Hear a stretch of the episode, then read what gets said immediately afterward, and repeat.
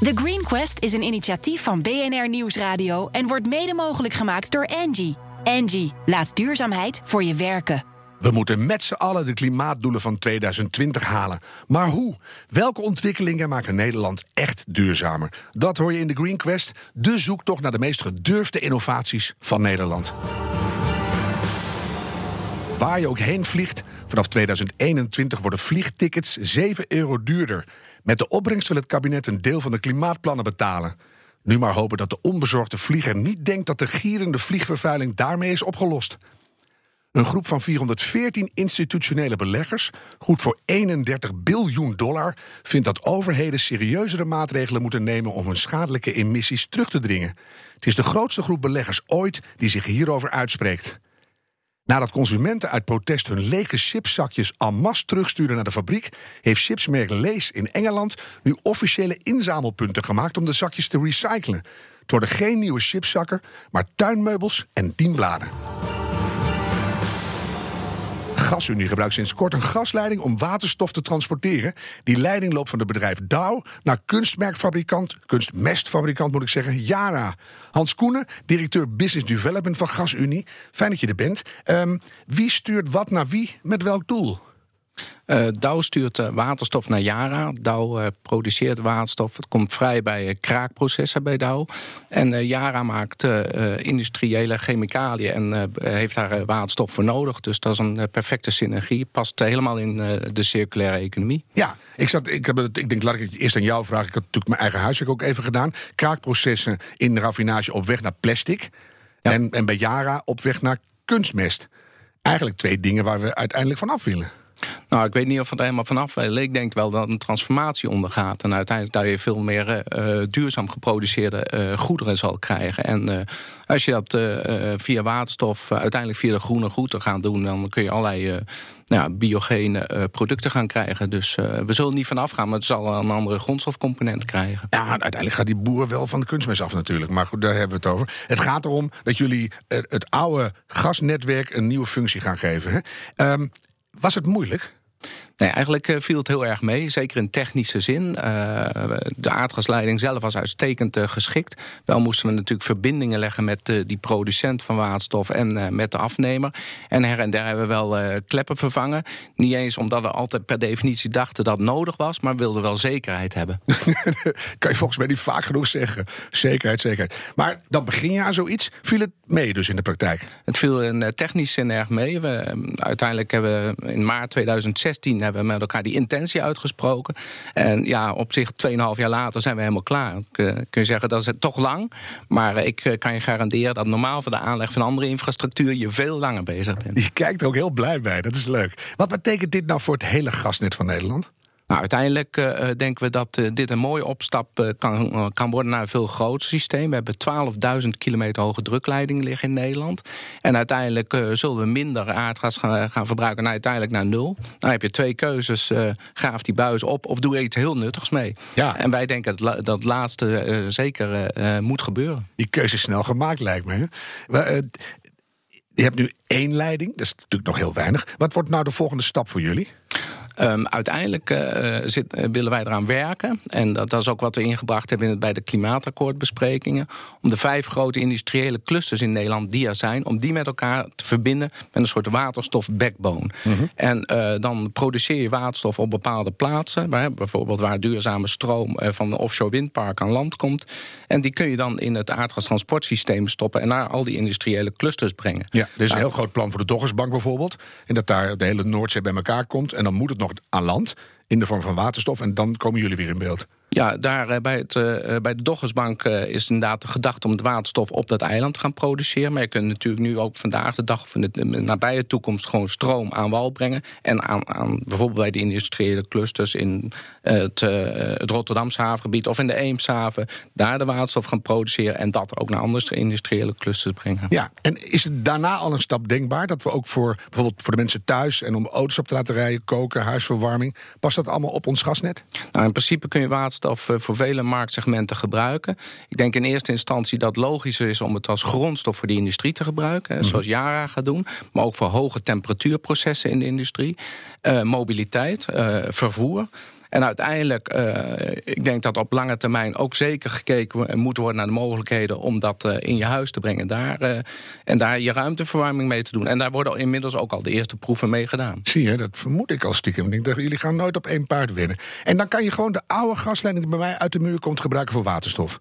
Uh, ja, daar, uh, met name de regionale netbeheerders hebben daar ook goed gekeken. En uh, een groot gedeelte van de bestaande leidingen, niet alleen onze hoge drukleidingen, maar dus ook die regionale leidingen, lage drukleidingen, zijn mhm. er uitstekend voor geschikt. En ja, je zei net al bij die hoge druk, super veilig, een paar extra kleppen. Hoe veilig is het thuis? Want dan komt er waterstof je huis in. Ja, er komt er waterstof je huis in. En dat is natuurlijk wel iets anders dan aardgas. Uh, het ontploft al het wezen de verkeerde dingen mee doet. Hè? Ja, maar je moet er ook nooit de verkeerde dingen mee doen. Je moet er zorgvuldig mee omgaan. En dat, dat zijn we wel gewend in onze industrie. Ja. Ja, dat vind ik wel een geruststellend antwoord. Ja. Maar dat is dus veilig. Ik kan het niet genoeg benadrukken eigenlijk.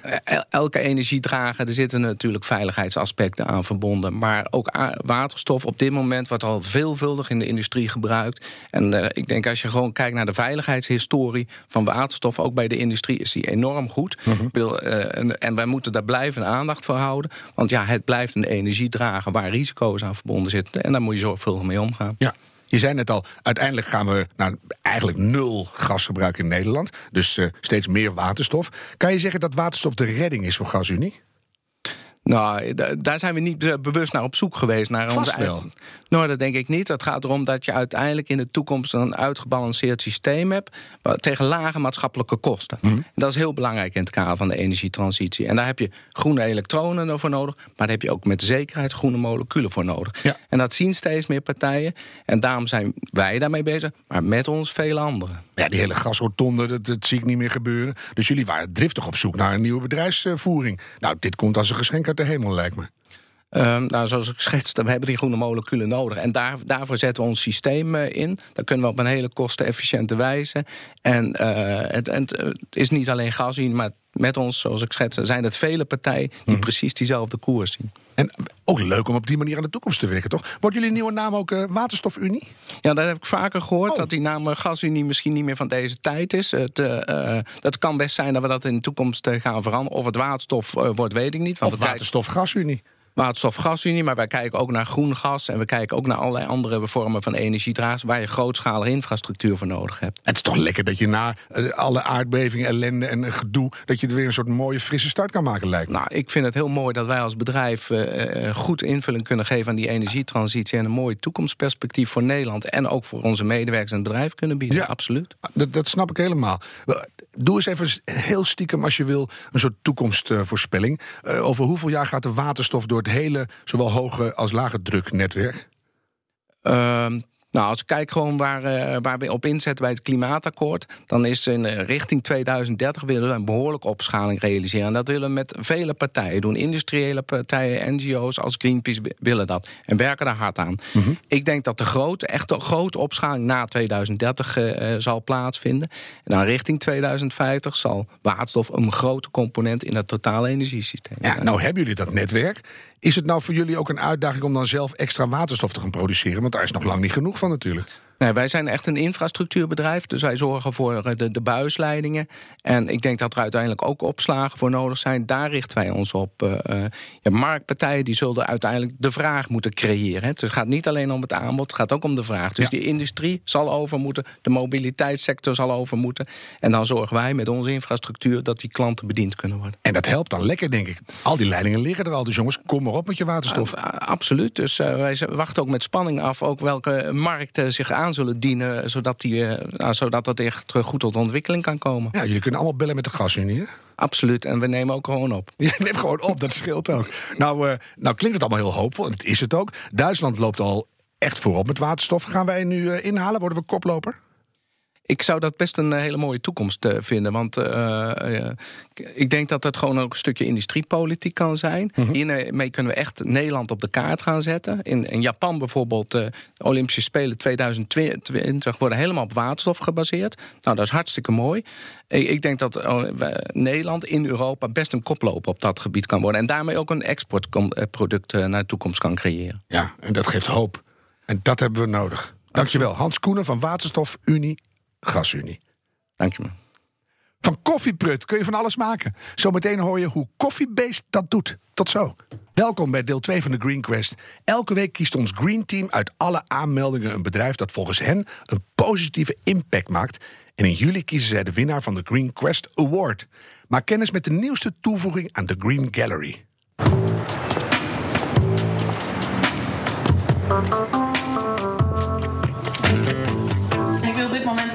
Gebruiken om hierbij Maas het allereerste koffiebased notebook te overhandigen. Gemaakt van koffiedik. Balanced, unique, mysterious, delicate, and smooth. Laat dit het symbool zijn voor een mooie samenwerking waarin wij samen de koffiebranche volledig gaan verduurzamen en circulair gaan maken. Deep and sensual yeah. and a delicious aftertaste. Wat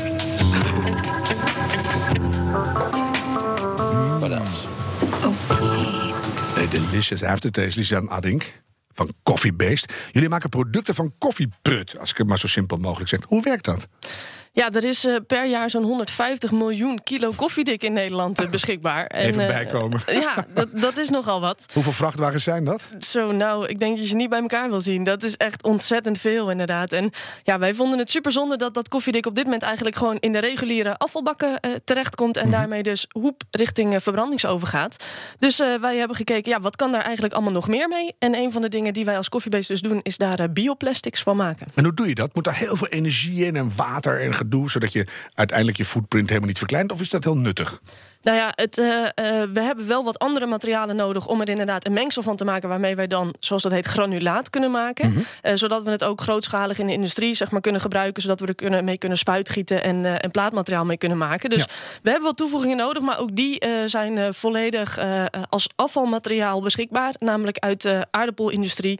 Het zetmeel wat daar vrijkomt bij het spoelen en zo, dat gebruiken wij dan weer als bindmiddel. Ja, daar wou ik ooit de biologisch afbreekbare golfbal van maken. Maar dat is nog steeds under construction. Nou, eh, wie weet, eh, de koffiebeest golfbal dan Oh, maar in de kijk, we toekomst. moeten, even, we moeten gaan praten. Maar ik denk, ja, weet je, al die miljoenen kilo koffieprut. eh, Als je het nou niet richting verbrandingsoven doet, maar gewoon composteren, ben je er toch ook af? Waarom al die moeite doen?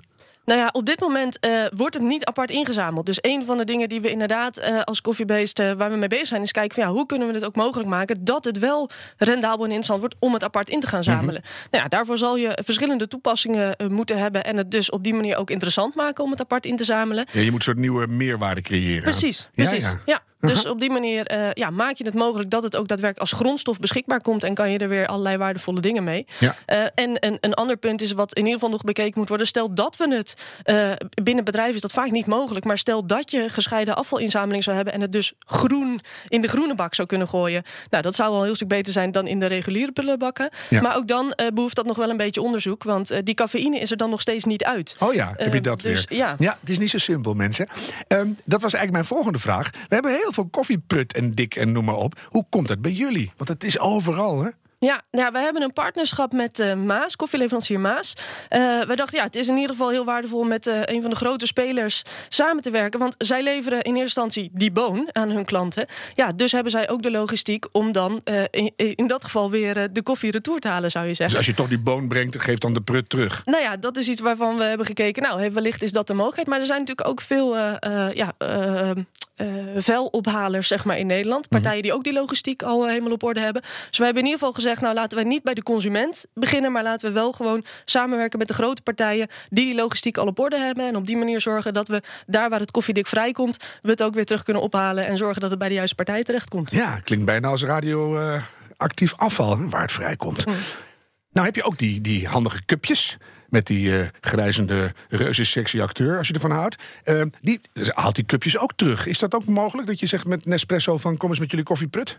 Zij, eh, inderdaad, zij, zij hebben een retoursysteem. Ik geloof dat er nog niet massaal gebruik van eh, wordt gemaakt, heb ik wel eens begrepen. Maar in ieder geval, dat, dat komt retour. En op dit moment is vooral het aluminium eh, daarin van de cup zelf waardevol. Maar het koffiedik, volgens mij, gebeurt daar op dit moment nog heel weinig mee. Dat willen jullie dus ja, daar zijn zeker interessante samenwerkingen mogelijk. En zijn die uitbaters, want die moeten dan extra handelingen voor jullie verrichten. Zijn die bereid om daarvoor te betalen, dat jullie het komen ophalen? Nou ja, het, eh, eh, het interessante is inderdaad dat we eh, willen kijken van nou kan je hier een dienstverlening van maken waar inderdaad tegen betaling je ervoor kan zorgen dat mensen op een verantwoorde manier van hun koffiedik af kunnen. En dat is ook zeker iets wat in de toekomst Maas haar klanten ook heel graag wil aanbieden. Want zij levert inderdaad diverse bonen aan de voorkant, maar steeds meer klanten vragen aan de achterkant: ja, en nu dat koffiedik, wat doen we daarmee? Dus op het moment dat Maas haar klanten kan zeggen: nou, dat gaan wij ook weer apart voor u ophalen, moet inderdaad als dienst moet je daar wel wat voor betalen, maar dan zorgen wij dat het weer gescheiden wordt ingezameld en dat we het als grondstof kunnen gebruiken voor bijvoorbeeld deze koffiebased producten. Ja, dat vind, vinden steeds meer mensen belangrijker. Want ik zie hier notitieblokken liggen en daaronder ligt plaatmateriaal. Wat is dit? Ja, we hebben twee verschillende granulaten gemaakt. Eén waarmee je kan spuitgieten en één waarmee je plaatmateriaal kan maken. Ja. Uh, ook om de markt te laten zien wat er met dit materiaal kan. Nou ja, spuitgieten, daar kan je natuurlijk echt van alles van maken. En hier uh, voor je staat een voorbeeld van een plantenpot... waar ja. dan weer een uh, koffieplant in staat. Dat is leuk dus voor dat thuis. is een, een gespuitgietproduct. Maar de notitieboeken is een voorbeeld van wat je met dat plaatmateriaal... dan weer zou kunnen doen. Maar ik heb hier bijvoorbeeld ook een sample meegenomen... van oh. iets wat je, zodat je het als laminaat zeg maar, kan gebruiken... in een meubelstuk. Ja, bijvoorbeeld. of een koffie Een koffiecorner, ja. Hey. Kom er eens om. Nou, is dit nog niet al met al planeetredend? Zijn er nog meer toepassingen? Ik heb bijvoorbeeld een jas gemaakt van koffieprut. Kijk, nou, die, Kijk, die, uit Spanje. Die dus, willen we graag ja. toevoegen aan het assortiment. Ja, nee, deze, deze eerste twee uh, mengsels die we hebben gemaakt... zijn nu nog volledig uh, biologisch afbreekbaar. Dus uh, daarmee kunnen we bijvoorbeeld nog geen koffiekopje maken. Dus mm -hmm. daarom zijn we nu bezig met de volgende recepten... die we wel helemaal biobased houden... maar wel zorgen dat die wat hogere temperaturen aan kunnen... dat die vocht aan kunnen en dat die voedselveilig zijn... zodat we dus inderdaad bijvoorbeeld serviesgoed, lepeltjes... Ja. koffiekopjes, dat soort dingen er in de toekomst van kunnen maken. Alle nieuwe dingen moeten ook weer afbreekbaar zijn en veilig. Ja. Ja, Dat, is, dat, is, best wel ingewikkeld. Nou hebben wij een uh, jury bij de Green Team. En die gaan elke, elke week een, een, kritische vraag stellen. En vandaag wordt die gesteld door Europarlementariër Gerben-Jan Gerbrandi. Ja, het is een mooi verhaal. Met, uh, het begint allemaal met een kopje koffie. Maar uh, je gaat pas echt het verschil maken als je ja, het weet op te schalen in, uh, in grootte. Dus mijn vraag is, lukt dat met het huidige product op basis van koffie? Of, dat is misschien nog mooier, is het ook nog uit te breiden met andere organische grondstoffen? Ja, oftewel, hoe gaan jullie opschalen? Lukt dat al? En uh, kan je naast koffiedik daar ook nog andere grondstoffen bij gebruiken? Afvalproducten eigenlijk. Nou ja, een van de aandeelhouders van Koffiebase is Verdraaid Goed. En die kijkt juist in de hele breedte naar wat kan je met verschillende reststromen. Dus we hebben juist binnen Koffiebase gezegd... laten we echt helemaal focussen op dat koffie. Mm -hmm. Want je ziet hier nu wat eerste voorbeelden... maar dit zijn echt uh, ja, de prille voorbeelden van wat er kan. Maar in onze ogen kan er nog heel veel meer mee. Er zitten heel veel waardevolle biochemicaliën ook in koffie. Dus je kan er ook nog uh, in de toekomst medicijnstoffen uithalen... kleurstoffen allerlei uh, hoogwaardige materialen die we eruit kunnen halen. Dus wij zijn absoluut van mening dat er met dat koffie alleen, om het zo maar even te zeggen, die 150 miljoen kilo, hè, alsof het niks zeg is. Het nog maar een keer. Uh, precies. Ja. Dat we daar echt uh, nog allerlei waardevolle dingen mee kunnen doen. Dus het lijkt ons goed om alleen met de koffie te beginnen. Ja, je moet ook concentreren in het begin. Hè. Je zag dat bij Peel Pioneers, die met sinaasappelschillen aan de slag gingen. Die, die haalden er eerst één dingetje uit, toen werden het drie dingetjes. En nu is er geen schil meer over. Kan je een beetje vooruit fantaseren wanneer jullie die hele koffieberg uh, nou ja, ja, dit, verwerkt hebben. Dit is inderdaad een prachtig voorbeeld. Want uh, een van mijn dromen is inderdaad dat we één faciliteit hebben... waar je aan de ene kant het koffiedik ziet binnenkomen... en waar aan de achterkant allerlei verschillende mooie uh, producten uitkomen. En ja, dat kunnen dit soort bioplastics zijn. Maar we weten ook, een van onze aanhouders, Rotterzwam... die weet er oesterzwammen op te kweken. Ja. Dus er kan ook voedsel uitkomen. We kunnen er straks die kleurstoffen, wellicht die medicijnstoffen uithalen. Dus ja, zo'n faciliteit waar het aan de ene kant ingaat... en aan de andere kant ja, via een experience bijna er weer uitkomt... dat zou ik uh, prachtig mooi vinden. Sjaakje ja. in de grote koffieverwerkfabriek. Je hebt ook koffiebruinkleurige ogen. Dat is oh ja. totaal zinloos detail, maar het viel mij ineens zo op. Als je nou, nou, jij denkt er dagelijks over na, hè, Lisan. Als je nou uh, van die koffieafval uitgaat, is het ooit denkbaar dat dat een integrale vervanger voor plastic wordt? Dat we, dat we koffie echt op één zetten? Nou ja, dan is de grote vraag, denk ik, is bioplastics, uh, dat lijkt me stap 1, is dat een, een integrale vervanging voor de plastics? Nou, volgens mij uh, is die goed in opkomst en uh, zijn we al steeds meer conventionele petrochemische plastics aan het vervangen mm -hmm. door bioplastics. En daar is dit volgens mij alleen nog maar een, een mooie voorbeeld van, dat je echt probeert die bioplastics ook te maken met uitsluitend, als het even kan, reststromen die op dit moment vrij waardeloos worden bevonden. Mm -hmm. Dus volgens mij is de opkomst van de bioplastics een hele goede en neemt die steeds meer van de markt in. En als we daar dan ook nog uh, koffie bij kunnen gebruiken, dan uh, ja, uh, lijkt me dat zeker een goede optie. En nog een klein beetje reststof terug naar die plant, hè, want dan kan die weer groeien. En dan heb je die hele keten heb je uiteindelijk rond. Nou ja, dat is toekomstmuziek. Ik ga je ontzettend veel succes wensen, Lisan, Lisan. Wil je onze zoektocht naar de meest duurzame innovaties op de voet volgen? Luister dan elke week naar de Green Quest en bekijk de Green Gallery op ons platform. Daar staat Coffee Based ook op. De Green Quest De uitzendingen zijn ook terug te luisteren via de BNR-app en bnr.nl of als podcast in iTunes en Spotify. Hou hoop en doe het duurzaam. The Green Quest is een initiatief van BNR Nieuwsradio en wordt mede mogelijk gemaakt door Angie. Angie, laat duurzaamheid voor je werken.